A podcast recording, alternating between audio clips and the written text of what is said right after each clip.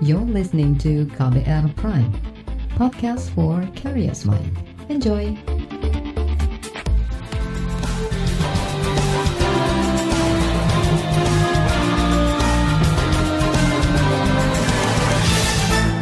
Halo saudara, senang sekali kami bisa menyapa Anda kembali dalam program KBR Sore edisi Jumat 8 Januari 2021. Saya Sindu Darmawan kembali menemani Anda selama kurang lebih 30 menit ke depan. Sore ini kami akan melanjutkan bahasan tentang pemberlakuan pembatasan kegiatan masyarakat PPKM di tujuh provinsi di Jawa dan Bali. Pembatasan kegiatan itu akan dilaksanakan mulai 11 hingga 25 Januari 2021. Dasar hukum PPKM adalah instruksi Mendagri yang mengatur tujuh hal terkait pembatasan, mulai dari pembatasan jumlah pekerja di perkantoran menjadi 25 persen, pelaksanaan kegiatan belajar mengajar secara daring, menerapkan secara lebih ketat kegiatan di sektor penting yang berkaitan dengan kebutuhan pokok masyarakat, membatasi kegiatan restoran dan mal hingga jam 7 malam, mengizinkan kegiatan konstruksi beroperasi 100% dengan protokol kesehatan lebih ketat, dan membatasi kapasitas tempat ibadah hanya 50% dari kapasitas.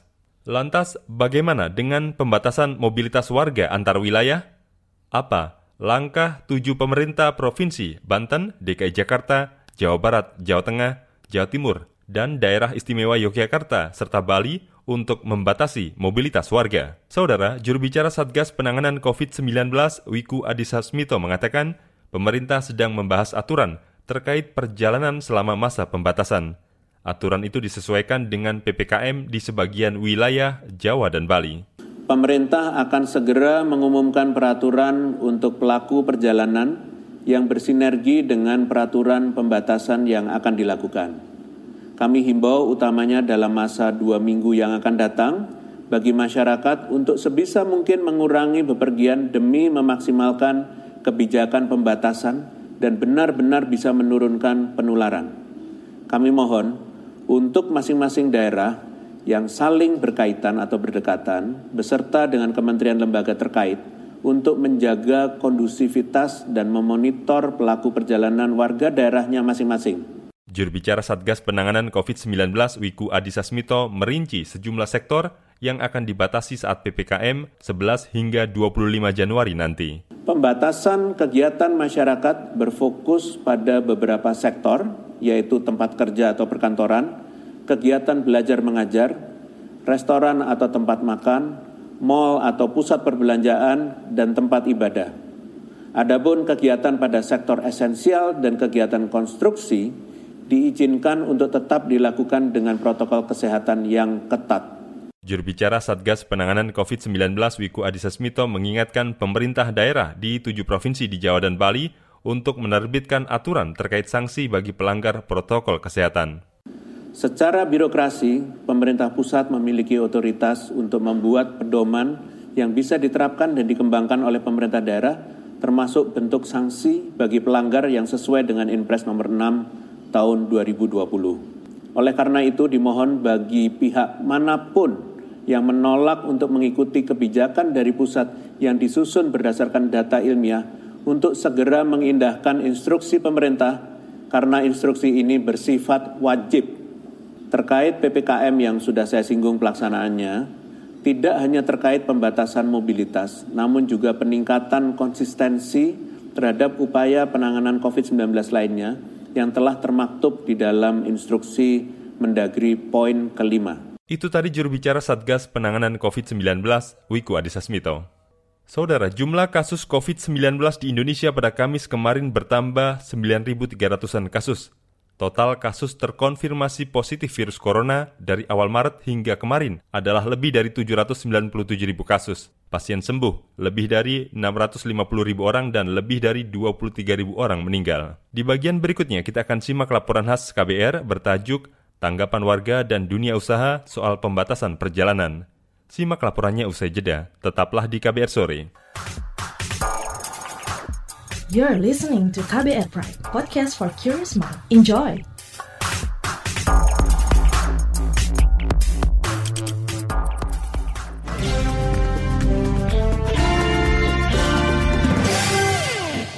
Saudara, kepala daerah di sebagian wilayah Jawa dan Bali saat ini sedang menggodok aturan bagi pelaku perjalanan dalam rangka pengetatan pembatasan. Pemprov Bali bahkan sudah menetapkan syarat tes antigen bagi para pelancong dari jalur udara, darat maupun laut.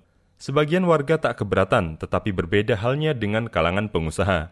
Simak laporan tim KBR yang disampaikan Fitri Anggreni. Yuda, pekerja swasta sedikit terusik dengan rencana pemberlakuan syarat tes antigen bagi pelaku perjalanan. Syarat itu kemarin diterapkan saat libur panjang Natal dan Tahun Baru dan berpeluang diperpanjang hingga 25 Januari mendatang. Dia sendiri kerap bolak-balik keluar kota karena tugas kantor. Secara pribadi, ia tak masalah karena biaya tes pasti ditanggung perusahaan selama urusan kantor kan semua ditanggung oleh kantor jadi tidak ada masalah. Cuman kalau dari sisi perusahaan ya mungkin akan menjadi beban atau pos operasional tambahan ya gitu. Tapi kalau untuk demi menjaga kesehatan kita bersama, saya rasa itu penting. Yuda lebih khawatir soal kemungkinan antrian orang tes antigen seperti yang terjadi di stasiun dan bandara kemarin. Di kerumunan semacam itu, virus corona berpotensi menyebar lebih cepat. Tapi kalau misalnya kita harus melakukan di terminal, bandara, atau stasiun, itu kan apalagi kalau misalnya pas lagi rame-ramenya ya, itu jadi kayaknya malah jadi parno sendiri gitu loh. Soalnya kan jadi rame begitu ya, jadi riskan ya kalau menurut saya.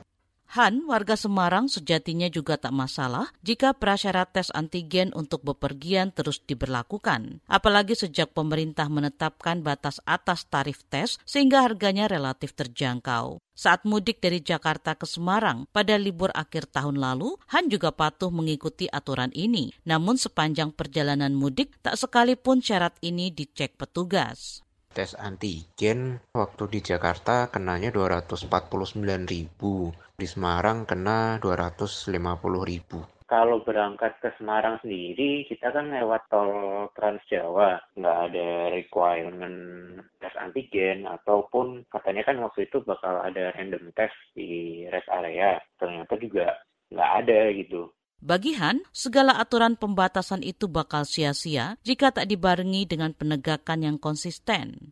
Sebut pasang peraturan ini di satu sisi perlu, tapi di sisi lain juga pemerintah harus tegas dan konsisten juga gitu loh dengan peraturan yang dibuat. Karena masyarakat itu dibilang butuh efek yang memberi rasa takut mungkin supaya lebih aware itu perlu namun, bagi kalangan pengusaha seperti Biro Perjalanan, aturan tes antigen tentu merepotkan. Hal itu terlihat jelas saat momen libur panjang akhir tahun kemarin. Banyak agen perjalanan yang merugi karena pelancong membatalkan perjalanan, seperti yang dialami Santi, pemilik travel di Semarang, Jawa Tengah kebetulan tamu-tamu ada yang beberapa grup tuh tamu rombongan jadi tercancel karena aturan di Jawa Tengah Jawa Tengah juga memperlakukan aturan itu. Nah masuk Jawa Tengah harus dengan surat rapid antigen. Kan itu jadi pada mundur semua. Aturan ini memupus harapan Santi untuk meraup sedikit laba di momen libur akhir tahun. Apalagi sektor wisata nyaris mati suri sepanjang tahun ini akibat pandemi ini akhir tahun ini masanya kita sebenarnya untuk panen harusnya. Tapi tiba-tiba ada aturan seperti itu di satu sisi sebagai pelaku wisata ya pasti itu menyakitkan ya karena kita udah mau bangkit. Tapi di satu sisi aturannya itu juga untuk membatasi penyebaran virus tidak tambah banyak itu ya ada benarnya Keputusan pengetatan PSBB di Jawa Bali juga dikeluhkan Asosiasi Pengusaha Indonesia Apindo. Akhir tahun lalu, pengusaha sempat optimistis karena ekonomi mulai menggeliat. Namun harapan itu langsung tersapu oleh temuan varian baru virus corona dan makin diperparah dengan kebijakan pembatasan. Keluhan serupa juga dilontarkan Ketua Kamar Dagang dan Industri Kadin Jakarta, Diana Dewi. Dia meminta PSBB kali ini tidak seketat ketika awal pandemi pada dasarnya sih kita merasa berat dengan kondisi yang akan diberlakukan. Cuma kalau kita juga melihat kenaikan yang terdampak itu ya kita mau tidak mau harus menerima. Tapi jangan sampai seperti yang saat awal-awal PSBB. Jadi ada klaster-klaster yang PSBB diperketat awal itu masuk ke dalam kategori yang diperbolehkan gitu Mas. Pengetatan PSBB di Jawa Bali diperkirakan bakal mengganggu upaya pemulihan ekonomi, apalagi dua wilayah itu menjadi penyumbang produk domestik terbesar. Ekonom Indef Tauhid Ahmad memprediksi dampak buruk PSBB akan tergambar di kuartal pertama. Nah, tentu saja karena Jawa Bali itu 60 persen dari PDB nasional, itu saya kira akan membuat perekonomian kita akan kembali negatif di kuartal pertama. Karena 2020 kita masih positif, artinya apa ya, pasti perekonomian kita akan jauh lebih berat di awal tahun ini dengan situasi pemberlakuan PSBB. Demikian laporan tim KBR. Saya Fitri Anggreni. Di bagian berikutnya kita akan simak kesiapan kepolisian untuk mendukung pemberlakuan pembatasan kegiatan masyarakat PPKM di sebagian Pulau Jawa dan Bali. Tetaplah di KBR sore. You're listening to KBR Pride, podcast for curious mind. Enjoy.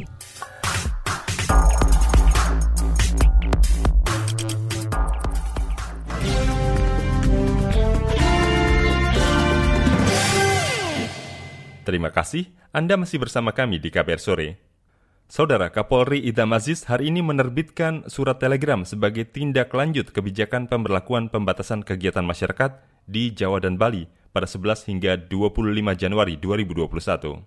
Kepala Bahar Kampolri Agus Andrianto menjelaskan, surat telegram itu bersifat perintah untuk dilaksanakan, terutama kepada seluruh Kapolda agar berkomunikasi, berkoordinasi, dan mendorong kepala daerah mengatur secara spesifik penerapan pembatasan kegiatan masyarakat, termasuk penerapan sanksi melalui peraturan daerah. Dalam telegram itu, Kapolri juga memerintahkan ada koordinasi dan kolaborasi dengan TNI, Pemda, dan pemangku kepentingan dalam pengawasan penerapan protokol kesehatan, semisal dengan meningkatkan operasi justisi. Kapolda Jawa Tengah Ahmad Lutfi langsung merespons telegram tersebut. Ahmad Lutfi mengatakan bakal gencar menggelar operasi justisi untuk mendukung pembatasan kegiatan masyarakat. Di situ ada unit kecil lengkap antara TNI, Polri, dan Satpol yang dilakukan minimal satu hari tiga kali. Jadi pagi bisa, siang bisa, sore bisa, tergantung daripada kerja wilayahnya masing-masing. Itu baik di tingkat Polda, Polres, bahkan Polsek melaksanakan kegiatan ini. Kemudian operasi justisi ini dengan bermaksud untuk memberikan edukasi pada masyarakat terkait dengan 3M. Itu tadi Kapolda Jawa Tengah Ahmad Lutfi. Sedangkan di ibu kota, juru bicara Polda Metro Jaya Yusri Yunus menegaskan pemberlakuan pembatasan kegiatan masyarakat PPKM akan dilakukan mulai dari tingkat komunitas warga. Kemudian sekarang ini akan ada wacana tanggal 11 sampai tanggal 25 akan dilaksanakan PSBB secara serempak Jawa Bali. Jakarta, Polda Metro Jaya dan juga Kodam Jaya akan menyikapi hal ini. Beberapa kampung tangguh sudah kita buat, kemudian pembatasan sosial berskala mikro PSBM ini akan kita coba masuk ke paling yang bawah. Mikro dalam hal ini komunitasnya yang ada. Mulai dari kampung tangguhnya nanti, RW tangguhnya nanti. Ya. Ada 55 kalau tidak salah RW di Jakarta ini masuk zona merah, cukup tinggi. Kita akan berkolaborasi akan kita fokus sekarang ini bagaimana cara mengupayakan supaya COVID-19 di Jakarta ini bisa ditekan sebini mungkin bahkan perlu kita dihilangkan. Mudah-mudahan vaksinasi sudah bisa berjalan nanti ke depan. Tetapi apa upaya akan dilakukan? Kampung tangguhnya akan kita buat perketat lagi. RW tangguhnya akan kita buat perketat lagi. Bahkan Kapolda Metro Jaya bersama Pangdam Jaya sepakat mulai Senin nanti akan berkantor di posek-posek di mana daerah-daerah yang memang jadi zona merah, mana RW-RW yang jadi zona merah. Kapolda akan berkantor di polsek-polsek terdekat yang jadi zona merah. Misalnya ada zona merah di daerah Cengkareng, Kapolda akan ke sana berkantor di sana. Langsung akan melihat langsung. Tadi Pak Kapolda sudah langsung mengambil alih semuanya. Pak Kapolres semua yang baru sudah langsung disampaikan untuk tidak main-main dengan COVID penyebaran COVID yang ada di Jakarta ini. Harus fokus semuanya dari tingkat mulai paling bawah Babin Kaptipmas dan Polsek bersama-sama dengan Babinsa dan juga Koramil, Polres juga sama dengan Kodim. Nah ini akan langsung ditinjau langsung, ditunggui langsung oleh Pak Kapolda dan juga Pangdam Jaya. Itu tadi juru bicara Polda Metro Jaya, Yusri Yunus. Di Kabupaten Lebak, Banten, Kapolres Lebak, Ade Mulyana, akan menggelar operasi justisi di sejumlah titik di kota Rangkas Bitung dan sekitarnya. Kegiatan itu melibatkan TNI dan Dinas Satpol PP Lebak. Saat ini, menurut Sekretaris Daerah Banten Al-Muktabar, Lebak termasuk zona oranye COVID-19. Ia khawatir Lebak akan menjadi zona merah jika tidak ada tindakan tegas kepada masyarakat yang melanggar protokol kesehatan.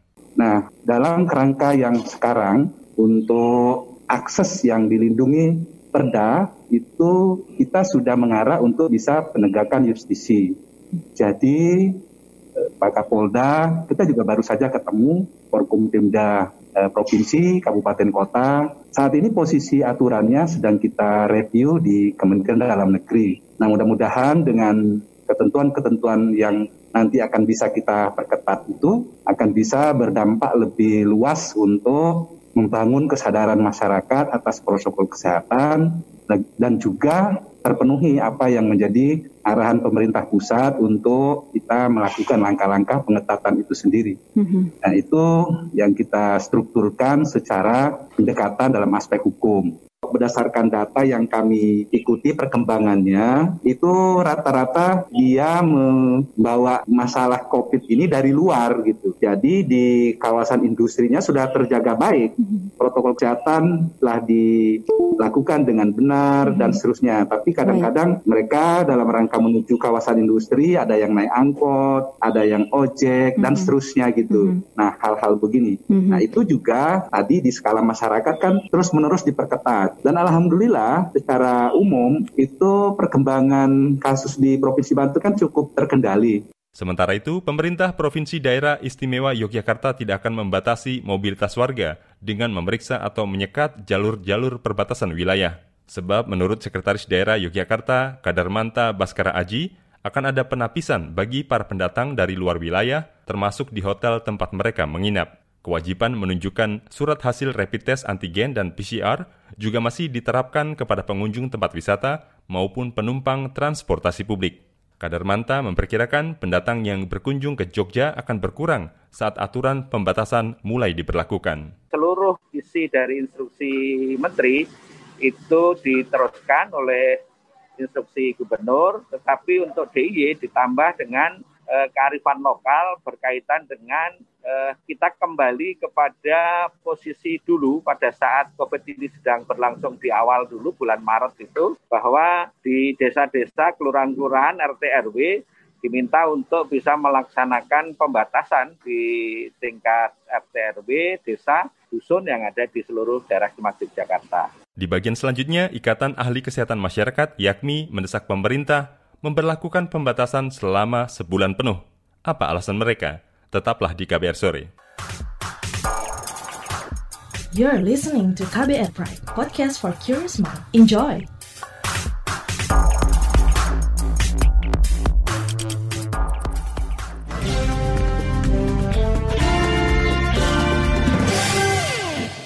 Anda masih mendengarkan KBR Sore. Saudara, Ikatan Ahli Kesehatan Masyarakat Indonesia IAKMI mendorong pemerintah agar memperpanjang waktu pelaksanaan pengetatan pembatasan kegiatan masyarakat di sebagian Pulau Jawa dan Bali dari dua pekan menjadi satu bulan.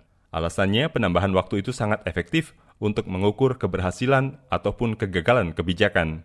Apalagi saat ini, jumlah kasus baru COVID-19 di Indonesia sudah menembus 9 ribuan hanya dalam satu hari. Berikut wawancara jurnalis KBR Mutia Kusumawardani dengan Ketua Satgas Penanggulangan COVID-19 yakni Budi Haryanto. Pak Budi, pemerintah telah resmi menetapkan pemberlakuan pembatasan kegiatan masyarakat atau PPKM di sebagian wilayah Jawa dan Bali mulai tanggal 11 hingga 25 nanti. Ada penghentian sementara kegiatan sosial budaya, ada pembatasan kegiatan keagamaan, pembatasan jam operasional. Nah, ini bagaimana seharusnya implementasi kebijakan tersebut agar tidak terkesan setengah hati dan efektif menurunkan penambahan kasus COVID-19? Intinya kan uh, diikuti oleh atau di jadi satu paket dengan pengawasannya ya. ya. Nah, uh, kalau memang betul itu satu paket dengan pengawasannya, dengan mekanisme pengawasan yang kalau ketat ya ketat ya, maka eh, ada dengan sumber daya manusianya yang eh, memadai ya, yang optimum gitu. Kalau misalnya di suatu uh, tempat itu uh, bisa diakses orang banyak dan perlu banyak orang untuk yang mengawasi, Nah berarti optimum kan gitu. Hmm. Nah jadi saya saya pikir kalau itu merupakan satu paket termasuk pengawasannya dan uh, tindakan tegasnya, ya bagus bisa mengurangi orang yang uh, akan berkegiatan di luar dan ketemu dengan orang yang lain. Berarti ini apa uh, pelibatan satpol pp juga sangat diperlukan begitu ya pak? Nah uh, silakan mekanismenya seperti apa kan? Kan peraturan sudah dikeluarkan dan tiap-tiap daerah kan mesti punya uh, pengalaman punya apa kapasitas tersendiri ya di yeah. satu tempat mungkin satu PP yang yang apa namanya yang efektif di satu tempat yang lain mungkin uh, pakai volunteer di satu tempat hmm. yang lain seperti apa ya kan semua otoritas dari daerah kan itu sebenarnya. Oke, Pak, apakah pemerintah perlu menerapkan uh, kembali begitu syarat surat izin keluar masuk wilayah dan tes antigen massal secara acak bagi warga yang bermobilitas dari kota satu ke kota yang lain? Nah, kalau uh, sepanjang idenya itu adalah uh, apa membatasi dengan serius ya berbagai hal kan bisa dilakukan juga. Salah satunya mungkin dengan surat izin dan sebagainya. Oh, kemudian Pak terkait pemberlakuan pembatasan kegiatan masyarakat ini, apakah efektif jika hanya dua pekan nih Pak? Kan berhubung dari 11 sampai tanggal 25. Kalau menjawab langsung uh, kurang efektif ya. Karena uh, sebenarnya memilih dua pekan itu kan sesuai dengan ini sesuai dengan inkubasi dari atau masa penularan dari uh, virus kan 14 hari gitu. Nah, uh, artinya gini, kalau dua minggu nggak efektif karena hanya sepotong aja. Tapi feeling saya mm -hmm. nanti akan diperpanjang. Oke, okay. kenapa Jadi, itu Pak? Perpanjang dua minggu lagi, dua minggu. Ya karena uh, kalau dua minggu diterapkan itu dan kemudian hasilnya positif atau hasilnya atau berhasil menurunkan penyebarannya gitu ya. Yeah. Padahal kan dua minggu itu juga belum kelihatan kan mm. penyebaran itu kan kalau uh, kaitkan dengan lamanya hasil uh, tes PCR keluar dari laboratorium kan bisa lima hari, bisa tujuh hari, bisa saatnya dua minggu itu misalnya orang yang terpapar pada minggu kedua gitu kan tidak bisa dievaluasi di setelah dua minggunya karena yeah. belum keluar hasilnya kan gitu. Itu tadi wawancara dengan Ketua Satgas Penanggulangan COVID-19 Ikatan Ahli Kesehatan Masyarakat Indonesia, Budi Haryanto. Sementara itu, Menteri Dalam Negeri Tito Karnavian hari ini menjelaskan istilah pemberlakuan pembatasan kegiatan masyarakat PPKM yang diterapkan di tujuh provinsi di Jawa dan Bali. Tito mengklaim sengaja tidak memakai istilah pembatasan sosial berskala besar PSBB lantaran kebijakan pembatasan tersebut nantinya tidak diberlakukan di seluruh Jawa dan Bali. Tito mencontohkan PPKM di Jawa Barat yang hanya diberlakukan di Kabupaten Bogor, Kabupaten Bekasi, Kabupaten Cimahi, Kota Bogor, Kota Depok, Kota Bekasi, dan wilayah Bandung Raya saja. Sedangkan di daerah istimewa Yogyakarta hanya diberlakukan di Kota Yogyakarta, Kabupaten Bantul, Kabupaten Gunung Kidul, Kabupaten Sleman, dan Kabupaten Kulon Progo. Saudara, informasi tadi mengakhiri perjumpaan kita di program KBR Sore edisi Jumat 8 Januari 2021. Pantau selalu berita terbaru melalui situs kbr.id, Twitter kami di akun @beritaKBR, serta podcast di alamat kbrprime.id. Jangan lupa untuk tetap mematuhi protokol kesehatan dengan 3M, memakai masker, menjaga jarak, dan rajin mencuci tangan dengan sabun. Saya Sindu Darmawan bersama kerabat kerja yang bertugas undur diri. Salam.